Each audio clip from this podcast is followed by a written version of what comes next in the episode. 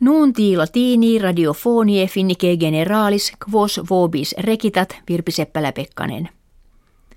In comitiis Ukraine sectatores presidentis Petri Poroshenko et primi ministri Arseni Jatsenjuk qui ad occidentales tendunt majores factiones in parlamento efficiunt.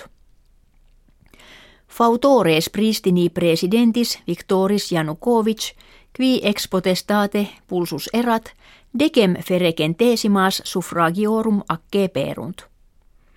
Comitia non sunt facta in Crimea nec in partibus separatistarum. José Manuel Barroso, preses commissionis unionis europee, censet comitia fuisse victoriam democratiae et renovationum. Sergei Lavrov, minister a rebus exteris Russie, affirmavit Russiam exitum comitiorum comprobare, et sebat maximi esse, quod in Ukraina tandem magistratus essent, qui inter se non kertarent, sed vera problemata tractarent. Propter crisim Ukraine, Polonia milites et arma, in confinium orientale, ante annum bis millesimum septimum decimum transferet. Major pars exercitus Poloniae in quo centum viginti milia militum sunt, est ad hoc in confinio occidentalii ubi inter bellum frigidum collocata erat. In comitiis presidentialibus Brasiliae Gilma Husef majore parte suffragiorum accepta presidens in alterum quadriennium creata est. Plurimos fautores apud partes populi pauperiores habebat.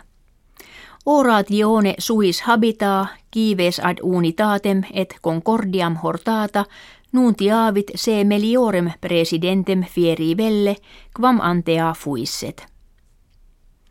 Die Mercurii in urbe Ottavaa vir armatus in viridario prope parlamentum Canadae militem monumentum militare custodientem sclopetando occidit.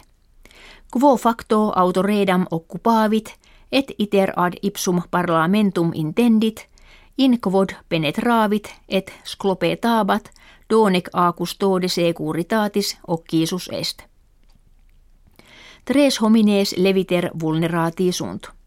Stephen Harper, primus minister Canadae, erat tum in parlamento sed illesus ex periculo evasit. Invasor erat kivis canadensis triginta annos natus in islamismum conversus, qui jam antea de terrorismo suspectus erat, ideoque syngrafum non acceperat. Socios sceleris non habuit. In partibus finnie, kve orientem et meridiem spectant, numerus aprorum geleriter augeskit. Hodie jam kirkiter kvingenti ibi numerantur, cum mense martio non amplius trecenti essent. Quam quam primi apri ex parte russie venerunt in populatione hodierna sunt jam porci indigene in finnianati. Celeriter latius vagantur et jam greges eorum in finnia interiore visi sunt. Venatio aprorum est quidem libera, sed aprum feminam cum suis porcellis occidere non licet.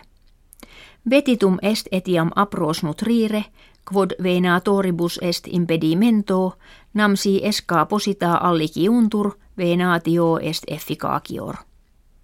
Ita fine nuntiorum facto auscultatoribus gratias agimus et valedigimus.